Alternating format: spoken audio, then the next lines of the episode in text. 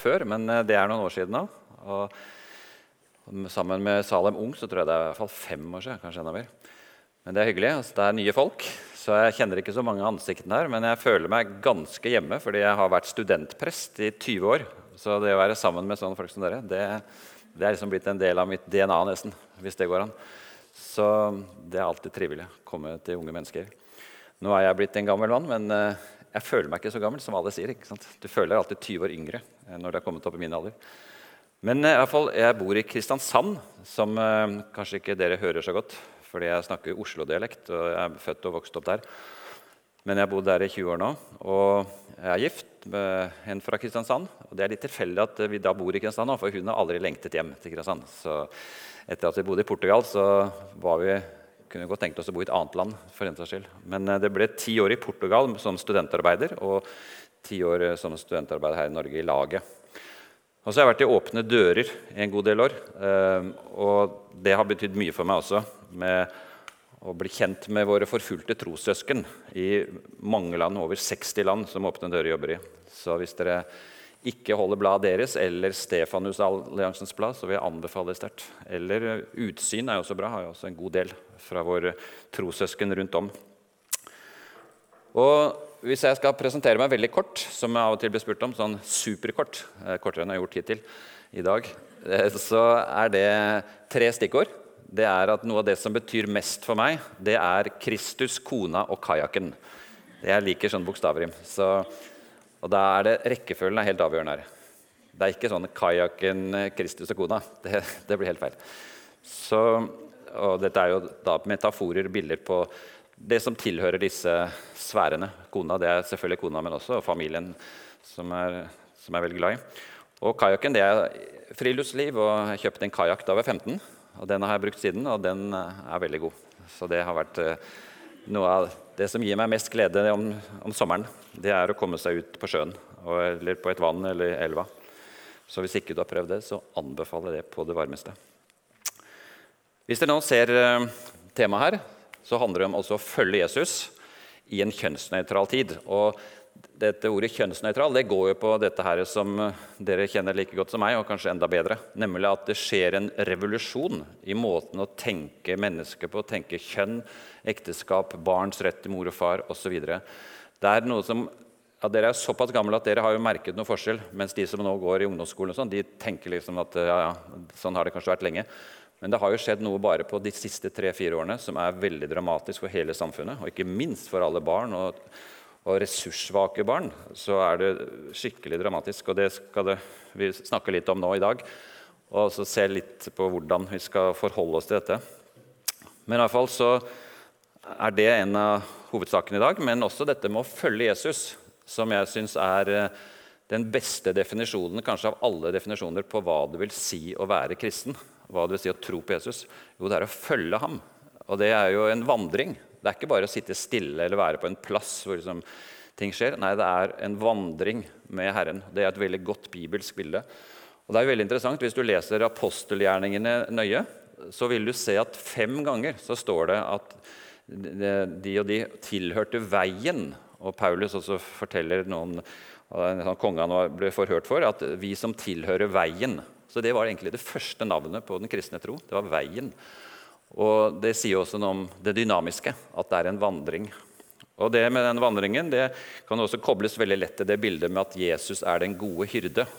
Det er også noe med vandring. Det er ikke bare sånn være stille på ett sted. Nei, det er å gå fra sted til sted. Det er å gå litt farefulle steder. Det er å komme til stille vann med hvile og grønt gress. Det er liksom mye forskjellig. Og dette med å følge Jesus da på den måten, hvor vi ikke tilhører noe annet enn ham. Det er han som er personen som vi tilhører. Og at uh, den kristne tro det er ikke først og fremst en religion eller ritualer og regler. Nei, det er en relasjon til personen Jesus Kristus. Og det å utvikle denne relasjonen det er jo det som er hele prosjektet for enhver kristen. Det er jo å bli bedre og bedre kjent med Jesus og ligne mer og mer på ham. Ikke fordi vi skal dra oss etter håret og liksom, nå bestemme oss for nå skal vi gjøre sånn og sånn, men det er en relasjon som bærer frukt fordi vi er sammen med Jesus. Ikke å ta seg sammen, men å være sammen med Jesus Kristus. Og det har jeg i hvert fall tenkt på i mange tiår, og helt fra jeg var ung. Eh, som tenkte på at å være disippel det angår jo hele livet. Det er ikke bare liksom, hva jeg gjør på bibelgruppa eller når jeg er sammen med andre kristne. Nei, Det angår jo alle prioriteringer. Bruken min av penger. Det er å følge Jesus uansett på alle, alle livsområder. Og Derfor har jeg vært veldig opptatt av dette med familie og seksualetikk, og den slags, fordi det er noe av det som er mest brennbart i vår tid. Og jeg synes Det er veldig godt det som eh, Martin Luther, reformatoren for 500 år, sa. Nemlig Nei, nå forsvant Ja, jeg, jeg, jeg må se der, ja. Jeg ser ikke noe på skjermen min. Går det an å få at jeg kan se på skjermen min også, for det er så langt borte? Men jeg skal kanskje greie, men jeg, skal bare se et øyeblikk. Skal jeg se om jeg greier å få fram eh, Nei, det var den. Hvis jeg får delt skjerm Ja, duplikat. Nei, det er utvid. Dere som er teknikere, er det mulig å få det på min samtidig? Eller er det Jeg får bare lese der. Jeg skal ta på meg brillene godt. Også. Der, dersom jeg med den høyeste stemme og den klareste skriftutleggelse bekjenner min tilslutning til hele Guds ord, bortsett fra det punktet som verden akkurat nå angriper, da bekjenner jeg ikke Kristus, uansett hvor frimodig jeg bekjenner ham. Det er der hvor kampen står, at soldatenes troskap blir prøvet. Å stå stødig på alle de andre nei, frontavsnittene betyr flukt og vanære hvis soldatene trekker seg tilbake på det avgjørende punktet. Det står der at det er tillagt Martin Luther, men jeg fant ut nå nylig at faktisk, jeg har glemt å rette det, men at det er Martin Luther som har sagt det. Det finnes en kilde til det. Dette er jo ikke noe bibelsitat, men det er noen ganske viktige sannheter. At Som eh, disippel, som etterfølger av Jesus, så kan vi ikke bare sitte og se på at ting skjer, og la andre ta seg av det. tenker jeg, Også når det angår oss selv så veldig nært. fordi hittil så har jo det som har med kjønn og seksualitet og likekjønt ekteskap homofili og bifili og transseksualitet og alt dette, det har liksom vært litt fjernt for mange av oss fordi det er ikke noen kanskje vi vi kjenner veldig godt eller har sånn nær relasjon til, som, uh, som har det som en, en, kampsak. Men nå er det blitt sånn at uh, barn og barnebarn altså Nå har jo ikke de fleste av dere barn, men jeg har jo barn og barnebarn, og det er det veldig mange i Norge som har. Og på skole og barnehage så er det jo nå sånn at barn kan få høre det av læreren sin. At ja, du Ole, som er fire år, når du blir eldre, da kan du velge om du vil bli gutt eller jente. Og på skolen dere kan se noen eksempler, så er det nå i lærebøkene den nye læreplanen fra 2020. Så Lærebøkene kom nå i fjor og noen i år. De er jo fulle av skeiv teori. Og hvor ikke det lenger er biologi som er vitenskap og, og, sannhet. Nå er det bare flytende kjønn. Og hvor eh, det er historier om, om, unge som forteller om seg at de ble født som jenter, men lege tok feil, for de var enkle gutter osv. Og den slags eh, skal nå barn helt ned i første og andre klasse og helt ned i barnehagen bli fòret med. Og det er stadig flere foreldre som nå blir fortvila. Hva gjør vi med sånt? For dette strider jo både mot den kristne tro, men mot all biologi også. Så dette er eh, en kamp som eh, ikke lenger bare er der ute, men som kommer tett innpå de aller fleste familier i Norge. Og ikke bare kristne, selvfølgelig. Også veldig mange andre vil reagere på dette etter hvert som de merker at barna deres blir forvirra. Og og begynner kanskje til og med å eksperimentere med etter hvert kanskje pubertetsblokkere. Og når de blir sånn 16 år, så er det jo fortsatt uh, mulig å begynne med hormonbehandling. Du blir steril for livet, du blir pasient for livet. Og diverse bivirkninger du kan få.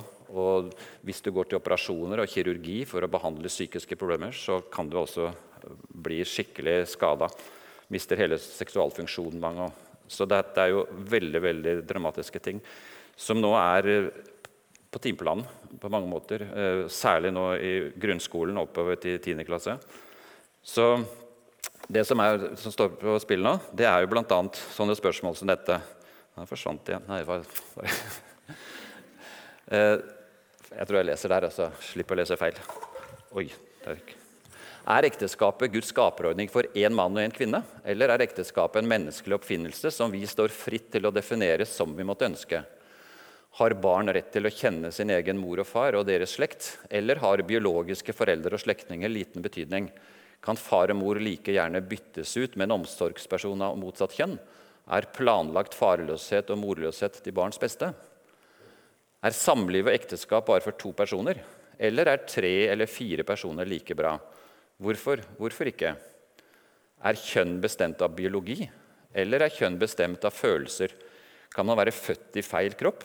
Betyr ikke XY og XX-kromosomer noe? Dette er noen av de problemstillingene som eh, hele denne tematikken handler om. Og vi skjønner at dette er jo ganske vidtrekkende eh, og dyptgripende spørsmål, og hvilke svar du gir på dem.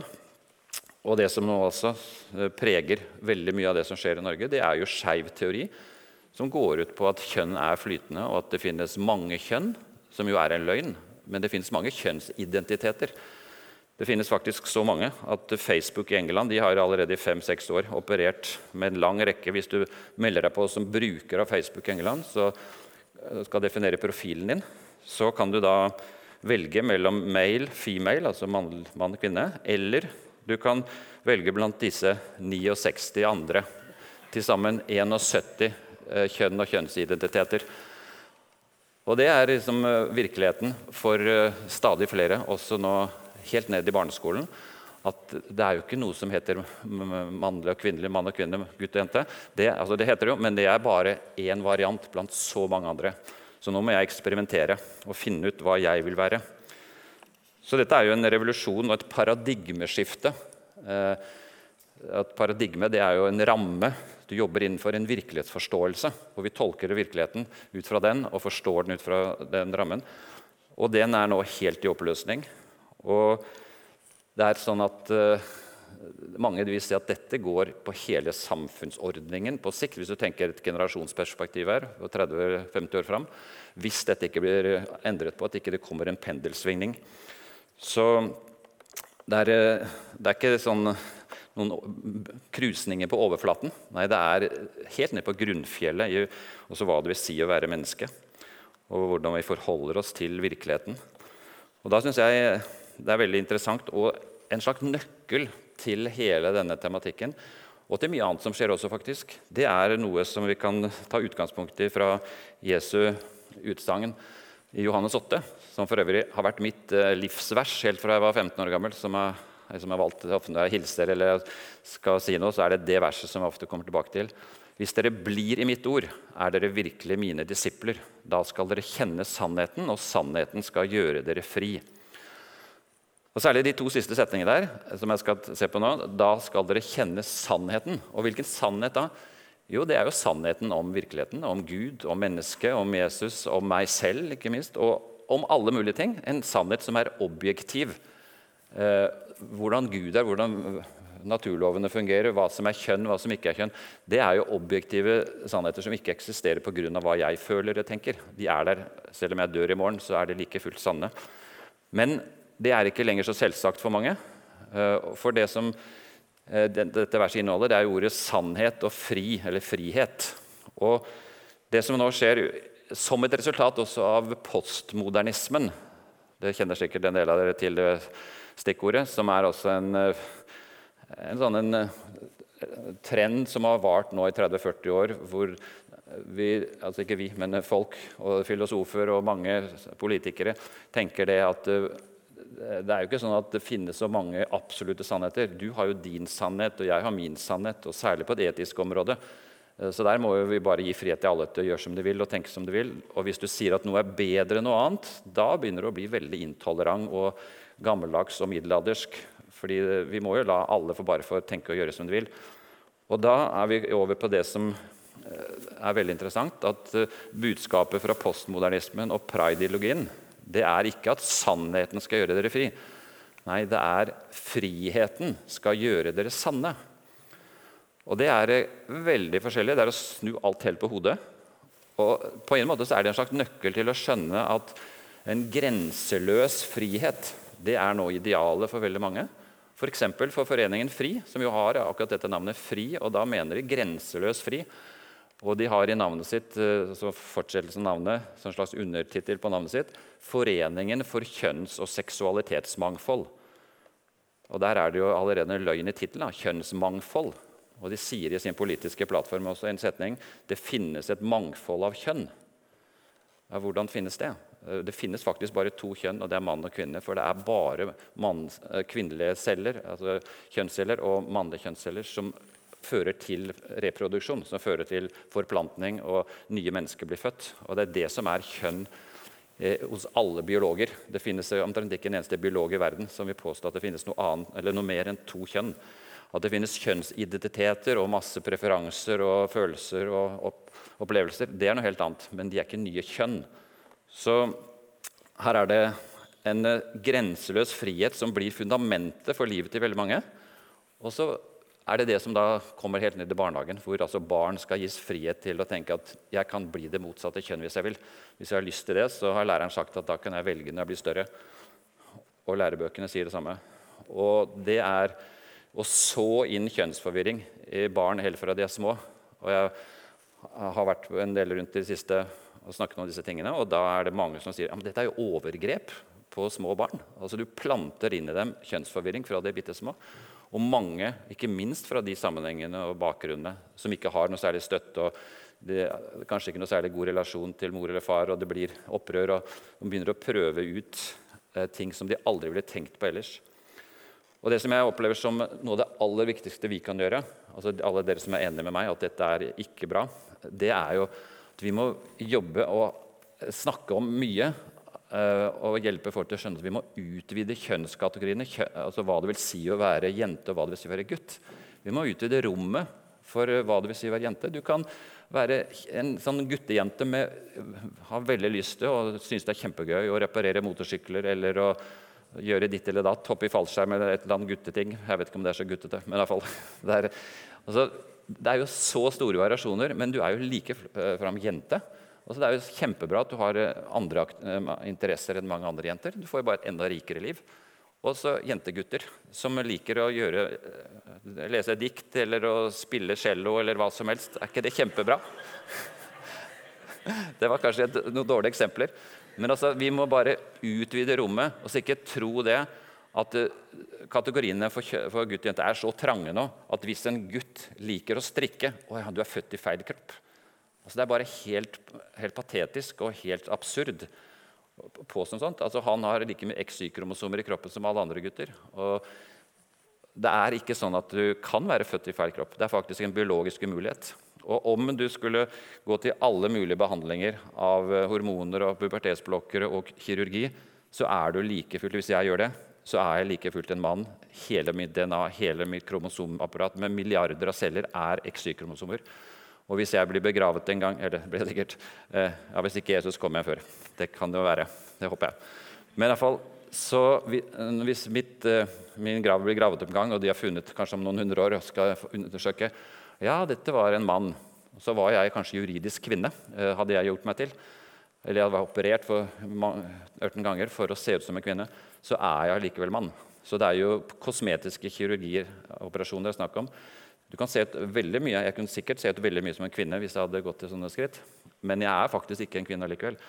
Men nå er det jo blitt sånn at uh, jeg hørte nettopp et foredrag av en amerikaner helt nylig som var i Danmark og mottok en pris uh, for et eller annet. Og han sa det at i USA nå så er det jo sånn at hvis du sier at menn kan ikke føde, så kan du bli uh, oppsagt fra jobben. For det er så transfobisk å si det at menn kan ikke føde. Fordi det kan jo være en juridisk kvinne med mannskropp Nei, unnskyld. Det kan være en juridisk mann med kvinnekropp. Og da er, er vedkommende en, eh, en, mann, selv om hun er kvinne opprinnelig i kroppen sin. Og fordi hun ikke har tatt operasjoner, så har hun fortsatt livmor og kan føde, men er altså en mann, juridisk mann i mange øyne. Og hvis du da ikke godtar at en juridisk mann er en mann, så er du transfob, og da kan du bli oppsagt fra jobben. Og det var jo det som også hun eh, J.K. Rowling som skrev Harry Potter-bøkene, som jo for to år siden sa det på Twitter-melding, at uh, kvinner menstruerer. Punktum. Og det var så transfobisk. fordi det kan jo være juridiske menn som menstruerer fordi de har kvinnekropp. Så her er det full forvirring med hva er en kvinne og hva er en mann. Og Noen av dere har kanskje sett den filmen som heter 'What is a Woman?', som har vært sirkulert nå det siste halvåret. Som også handler om dette her. Eh, forskere og mange andre tør ikke å definere hva en kvinne er, for da er de redd for å bli anklaget for transfobi. Så her er det mye, mye rart og merkelig. Det er helt sånn surrealistisk på mange måter. Og det er jo ikke noe som er bare pga. at jeg har kristen tro at jeg syns dette er merkelig. Men det er jo flere og flere, også ateister og andre, som skjønner at her må vi snart begynne å snakke høyt om at her går ting i helt feil retning, og ikke minst for barn og unge. Så dette her, eh, som står der på skjermen nå, det er en nøkkel som dere bør ta med dere og snakke om og reflektere over. At uh, mye av det du ser rundt deg, og vi ser rundt oss, det er altså på grunnlag av at vi har si, snudd på hodet forholdet mellom frihet og sannhet. Og at frihet nå er det blitt det store stikkordet, store honnørordet, som gjør at alt skal være greit, alt skal være tillatt, alt skal være på lik linje og like etisk høyverdig. Så hvis du ser for på noen stikkord på hva denne radikale kjønnsideologien består av, så er det noen få punkter her. Det kan skrives bøker og har blitt skrevet bøker om dette, men bare sånn helt kort. Så er det en, eh, et punkt er dette at alt er naturlig og normalt. I den nye tenkningen om kjønn og samliv og seksualitet og alt mulig, så er alle kjønnsuttrykk, alle kjønnsidentiteter og alle seksuelle orienteringer helt sidestilte. Hetero, homo, bi, poli, pan, trans osv.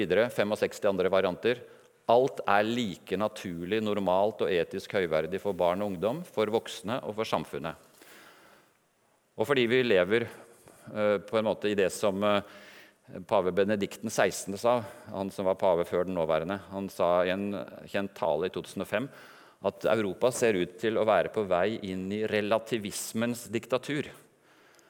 En, et samfunn hvor relativisme er liksom fundamentet, grenseløs frihet, alt er like greit og de som da ikke er enig i det, sånn som kristne, og også muslimer og andre som har en tro på at det finnes noe som ligger fast, de vil merke at her er det totalitære tendenser. Og Det merker jo sikkert noen av dere, og i hvert fall ser jeg det veldig tydelig også nå i samfunnet i Norge og i, i andre vestlige land. At det begynner å bli mer og mer totalitært, og det blir kanselleringskultur. Og du blir altså anklaget og kan miste jobben for å si at det er bare kvinner som kan føde barn. Så sannheten og virkeligheten eh, som blir benektet Du skal tvinges til å framsi løgner og tro på løgner. Og da er det blitt totalitært. Da er det blitt et relativistisk diktatur. Annen, eh, et annet sånt punkt er at kjønn er fleksibelt, eller vi kanskje like å si kjønn er flytende. Betydningen av kjønn, betydningen av mann og kvinne, av far og mor, er opphevet. Altså Det er ikke betydningsfullt lenger. De kan byttes ut med hverandre, og alt er like greit. Kjønnsidentitet er ikke fastlagt, men kan endres. Og det finnes mange kjønn. Det er altså noe av dette som blir framsagt nå også i skolebøker til eh, våre barn og barnebarn, og som foreldrene ikke er spurt om, som man blir overkjørt. Og hvor Jeg møtte senest i dag, jeg var på en konferanse tidligere i dag og hadde noen innlegg. og var det flere som kom bort til dem etterpå og sa de er så fortvila. Hva skal de gjøre i forhold til barna sine som nå kommer hjem fra skolen og forteller ting som er bare helt crazy? Og så, Hvordan skal de få lærerne til å forstå at dette ønsker ikke vi for våre barn? Har de noen rettigheter som foreldre? Eller er det liksom blitt sånn at det er statens barn, så vi må bare finne oss i at våre barn skal lære ting som vi ikke tror på? Og så er Et annet punkt det er at idealet det er at all frivillig seksualitet, alle typer samliv og alle seksuelle handlinger som er frivillige, det er positivt. Idealet er et grenseløst mangfold. Heteronormen, kjønnsnormen og parnormen forkastes. Og De tre siste ordene der, Heteronormen det er jo sånn skjellsord i Foreningen FRI og andre miljøer som, har sympati med dem. Det er at heteronormen, mann og kvinne, kjønnspolariteten mellom mann og kvinne, og det at det er kun mann og kvinne som kan føde barn, og hele pakken kan du si, som Gud har skapt, som ligger i biologien, den må forkastes. Den må vi bare bekjempe. Og Det er ikke bare Foreningen FRI som mener. Det mener de langt inn i Bufdir, Barne-, ungdoms- og familiedirektoratet, og, i, og politikere. Og stort flertall i Stortinget sannsynligvis nå for å stemme gjennom denne konverteringsloven, som, eh, som stemme, det er antikonverteringslov, altså forbud med opptil seks år i fengsel hvis du prøver å hjelpe f.eks. en ungdom som er kjønnsforvirret, til å bli glad i kroppen sin, tar ungdommen din med ditt eget barn til en psykolog for å prøve å nøste i hva som egentlig har gått feil. En ungdom som aldri har vist noe som helst til kjønnsinkongruens eller kjønnsdysfori. Men så plutselig, særlig jenter nå, flere hundre jenter i år i Norge, som blir forvirra fordi de har vært på YouTube og hørt på influensere og lærer det at det at du har problemer, For 70% av disse jentene de har alvorlige psykiske problemer på forhånd. De har spiseforstyrrelser, autisme, de har forskjellige typer eh, store problemer. Men så får de høre på YouTube og andre steder at uh, hvis du skifter kjønn, hvis du begynner med hormoner, da blir alt mye bedre. Da kan du bli fri i dine problemer. Så det er mange som tror på dette. Og Hvis da foreldrene vil hjelpe barnet sitt til å bli kvitt disse vil jeg si, vrangforestillingene, og at de venter og får tålmodighet de får beskjed om at du må komme gjennom puberteten først. Puberteten har alltid vært en uh, veldig sånn, turbulent periode av livet. Men eh, det må de også skjønne, de som er ungdommer i dag. At det har ikke med at du er født i feil kropp. eller noe sånt. Nei, tvert imot, det har bare med at du er ungdom og at du har andre psykiske problemer nå. Vi må hjelpe deg til å få løst dem. Og så kan du, hvis du blir 18 år, eller når du blir 18 år, så får du bestemme selv. Og hvis du da vil operere deg, så kan du det. Men fram til da så, så skal du vente. Og Da kan det være noen sexologer som mener at det er transterapi. Dette her har ikke foreldrene lov til. Dette er overgrep mot barna. For dette er jo transbarn. Det er sånn typisk eh, eh, sexologer som mener at her må jo barnet bare bli bekreftet. Selv om det er skikkelig forvirret og har store psykiske problemer, så er liksom bekreftelsesmodellen er den som nå er blitt gjennomført i flere land rundt om. Også i Norge. Espen Ester Pirelle Benestad, som sikkert flere av dere kjenner til. Han er for øvrig min femmenning, hvis noen lurte på det. Og Han eh, sier jo det, og hans disipler, at eh, det, de må bekreftes for ellers er det farlig. Da kan de bli enda sykere eller kan begå selvmord, og sånn, som jo ikke er påvist i det hele tatt. Det er bare sånn veldig sterkt og ufint eh, maktspråk og hersketeknikk. Det har de påvist i mange land, senest i Sverige for et par år siden også. at de, Det holder ikke mål. Det er ingenting som tyder på det.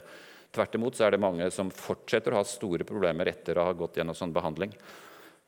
Så her, eh, denne konverteringsloven, Hvis den blir vedtatt, så kan foreldre som ønsker å hjelpe barnet sitt til å bli glad i kroppen sin, eh, de kan bli eh, anklaget for omsorgssvikt med meldt til barnevernet, og de kan miste omsorgsretten for sitt eget barn. Og Det er en konsekvens av denne konverteringsloven, som en av konsekvensene. Og, er, og De kan altså ikke bare miste omsorgsretten, men hvis de har tatt til en psykiater, eller, og kanskje til og med barna er blitt hjulpet, som er veldig sannsynlig. Men fordi de da er i prosessen og ikke kanskje ting er ferdige, så kan de bli dømt til fengsel, eh, disse foreldrene. Så dette er egentlig en lov som alle politikere burde skjønne alvoret i, men de fleste på Stortinget de skjønner ikke. Og de mener at så lenge Foreningen FRI syns dette er veldig positivt, så er det visst bra. For både Arbeiderpartiet, og MDG og de fleste andre partiene de er jo veldig for eh, ros og kompetanse, mer av dette inn i skoleverket. Alle lærere må lære mer av det. Nå har de bedt alle kommuner om å lage handlingsplaner for kjønns- og seksualitetsmangfold. Og dette som vi ser nå, det er bare begynnelsen på et stadig mer totalitært Norge når det gjelder dette temaet. Er min, min spådom om dette, fordi det er så mye overfladiskhet på Stortinget. Og de fleste politikere har ikke lest notatet engang fra departementet fra Anette Trettebergstuen. Fordi det er på 128 A4-sider i to spalter med liten skrift. Så det er, det er tungt stoff å lese. Altså det er ikke tungt lesning, men det er mye å lese. Og de lar de fra sitt parti i komiteen som behandler dette, ta seg av det. Så bare stemmer de med partiet.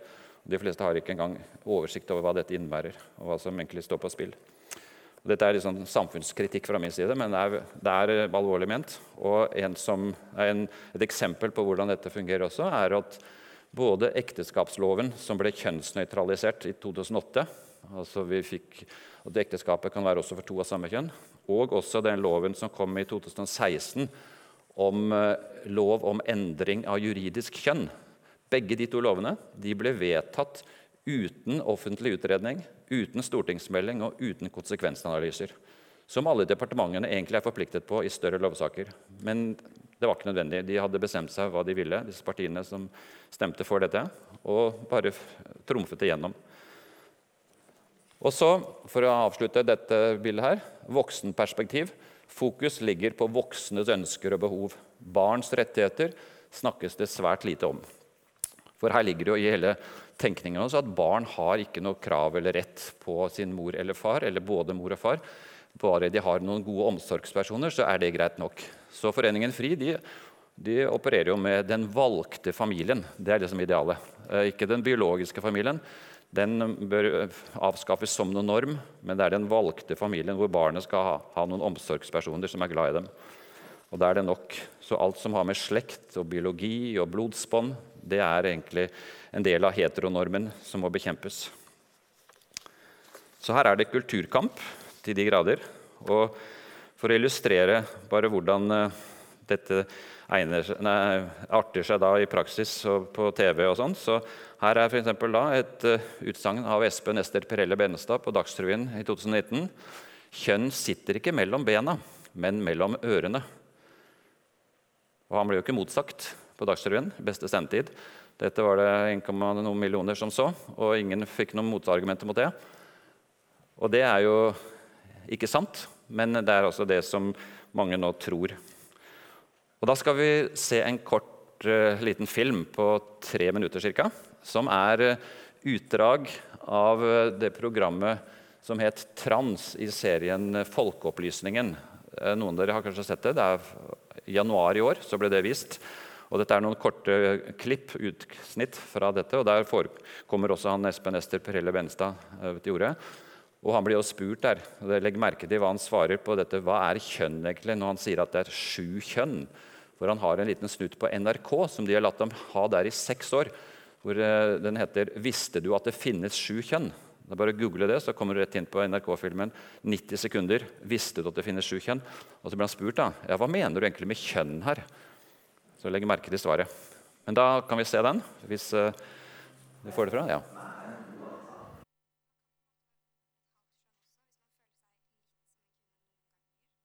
organisert av Foreningen FRI eller Sex og Samfunn, eller noe, men det er altså Aschehoug og Gyllendal og Cappelen Dam som nå utgir lærebøker med dette, dette budskapet. Og Jeg vet ikke hvordan dere tenker om det, hver enkelt av dere, men eh, for mange av oss, ikke minst alle som er foreldre, og som er kristne foreldre, men også svært mange av dere, blir mer og mer bekymra. Jeg håper personlig på at det snart kommer et foreldreopprør som eh, krever eh, noe her.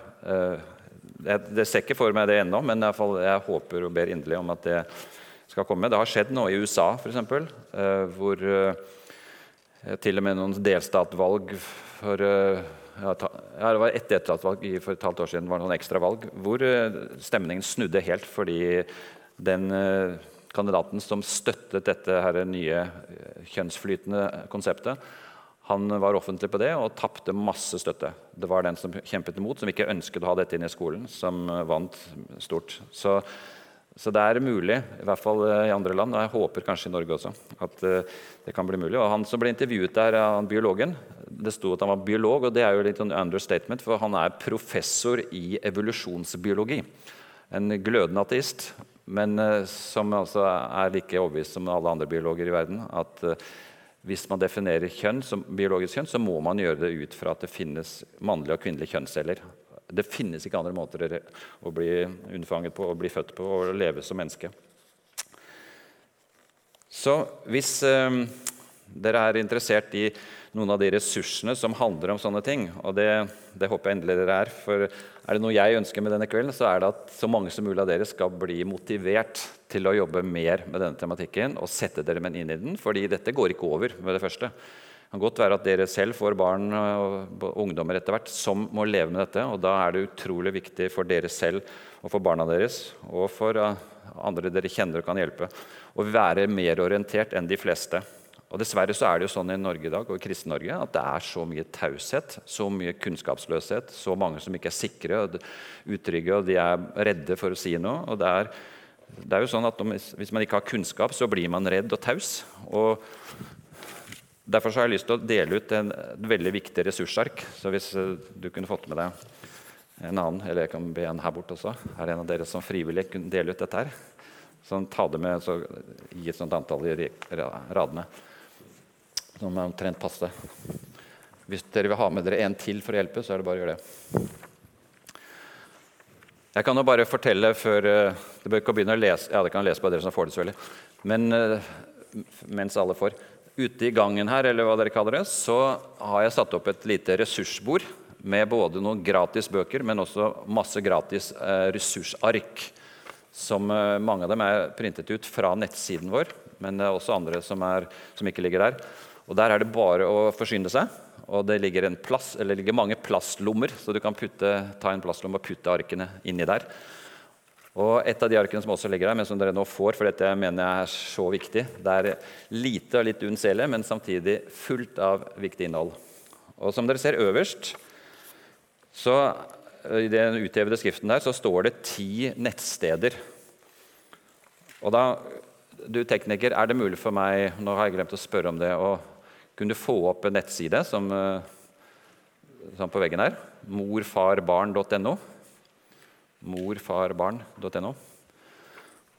Det er en av de som står her, men det er også flere andre som er kjempeviktige. og jeg vil virkelig insistere på altså oppmuntre dere sterkt til å spare denne lappen og legge den eller henge den opp et sted hvor dere vet hvor dere har den, og ikke mister den. Fordi Det er så nyttig å ha sånne nettsteder både til dere selv og hvis dere vil anbefale til noen andre, så har dere allerede masse godt stoff å gi dem. Og Putt den i Bibelen, heng den over pulten, legg den et sted, på, heng på kjøleskapet hvis du har det, osv. Et sted hvor du vet der har jeg den. Ta gjerne kopier og gi til andre også. Men i hvert fall disse nettstedene er veldig forskjellige, samtidig som de er fullt av godt innhold. Og nå vet det hvert Ja, der har vi den, ja. Så flott. Så kan jeg vise det ene som, som vi drifter i Mor, far, barn. Bare for å vise noen av de ressursene. Så hvis du bare scroller bitte grann, er du grei. Scroller litt nedover. Kapital. Ja, mens det skjer. Så Nedenfor så ser dere handlinger og holdninger, som er eh, mange gode tips og innspill til hvordan man kan eh, møte noe av dette som vi nå snakker om i dag. Og Det er faktisk et ganske interessant gruppeopplegg, samtaleopplegg, hvis dere er i en gruppe eller bare med noen venner. Prate om de forskjellige punktene, og hva du tenker og hva som kan være nyttig og interessant å, å bruke og gjøre anvende i ditt eget liv. Og så er det noen interessante bibelvers nederst, som du ser. Der kommer det opp, ja. Det er bra. Og så kan du scrolle litt. Eller er det bare et bilde?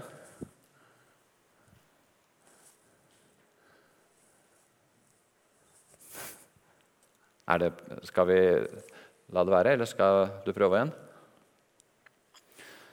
For Inne på nettstedet, nettstedet vårt eh, som ikke er noe spesielt bedre enn andre, men det er litt eh, særegent for det har stoff som ikke noen av de andre nettstedene har. Men eh, vi kan bare fortsette her. Det foreldrenettverket, som er nummer to i øverste linje der på disse nettstedene, altså et veldig nyttig nettsted for folk som er opptatt av hva som skjer i skolen og i barnehagene, og med mye stoff rundt denne tematikken. Det har som undertittel etter foreldrenettverket så er det 'Skole, foreldre og pride' som er liksom, tematikken for det stedet. Og Transinfo på linje 2 er en veldig interessant sak hvor det er masse artikler og informasjon om alt som har med transtematikk. Gutt og jente.no kjenner kanskje noen av dere. Det er en nettside som har eksistert en del år nå. hvor det er en organisasjon som heter Gutt og jente, som drifter dette. Som har 1000 spørsmål og svar om ungdom og seksualitet eh, ut fra kristen vinkel. Og det er 1000 spørsmål som har kommet inn fra kristen ungdom i Norge de siste ti årene. Og så er det gitt eh, gode svar på alle disse 1000 spørsmålene. Og det ligger også en del andre ressurser der. Og så er det tre veldig viktige og gode engelske nettsteder som har masse flott materiell.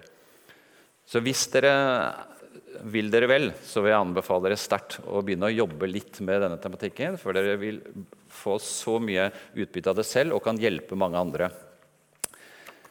Og Mitt råd til alle som er interessert i å jobbe litt med dette for å få mer kunnskap og mer frimodighet i den tematikken, det er å sette seg et mål. Bestem for deg selv. Nå skal jeg prøve å sette av én time i uka og jobbe med dette. Åpne noen nettstedene, ta med en av bøkene der ute, eller eh, les ressursark eller andre ting du har som er gode på dette feltet.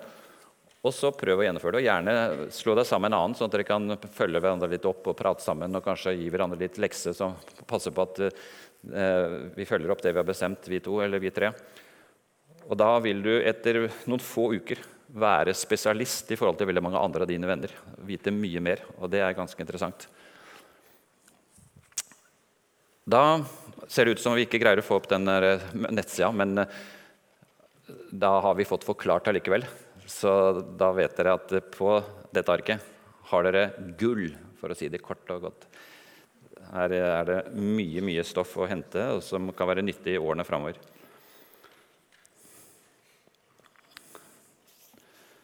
Da er vi kommet så langt allerede at vi må begynne å gå inn for landing. Eh, så jeg skal snakke mer om eh, denne tematikken på gudstjenesten eller møtet her i morgen klokka 11. Da blir det litt mer sånn bibelsk vinklet på selve møtet. Men så skal jeg ha et miniseminar hvor jeg ca. en times tid fra sånn halv ett, kvart på ett, og så en time. Så hvis noen av dere kommer da, så får dere høre litt mer og litt mer grundig om ting som ikke jeg tok opp nå. Men jeg har lyst til å ta et par bilder, og da et som har med sånn konklusjon på det jeg har eh, snakket om nå, og så et par bibelske eh, lysbilder. Så det første det er eh, dette her som sier noe om eh, grunnleggende ting vi må holde fast på hvis vi ønsker å stå trygt både biologisk og bibelsk og til barns beste. Det ene det er altså heteronormen.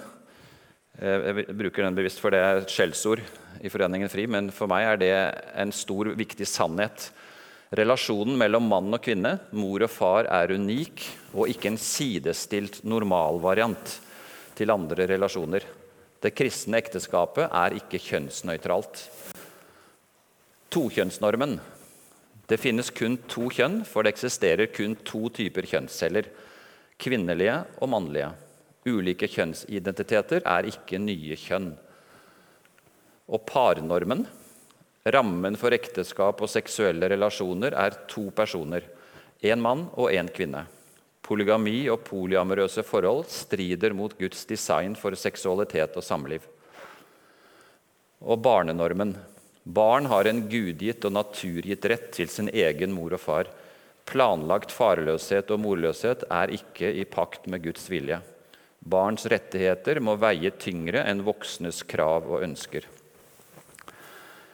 Disse fire normene, eh, paradigmene, eh, retningslinjene Du kan kalle det hva du vil, men altså for meg i hvert fall, så er dette sannheter også. Du kan godt kalle det alle disse sannheter det for normer, de er eh, stikk i strid. De er på kollisjonskurs med det som nå står i norske lærebøker for grunnskolen, og som Foreningen FRI og andre lignende, og de fleste på Stortinget mener er rett.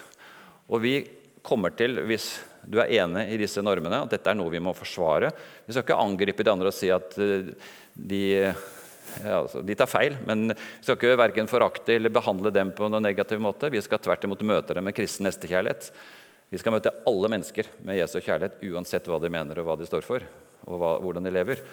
Så det har ikke noe med det å gjøre, men det, at, det er visse verdier som jeg og kanskje de fleste av oss forsvarer og står for. Og dette er vi villige til å betale en pris for, for det er i tråd med evangeliet, det er i tråd med Bibelen, det er i tråd med biologien, barns beste. Hele familietenkningen står jo på spill.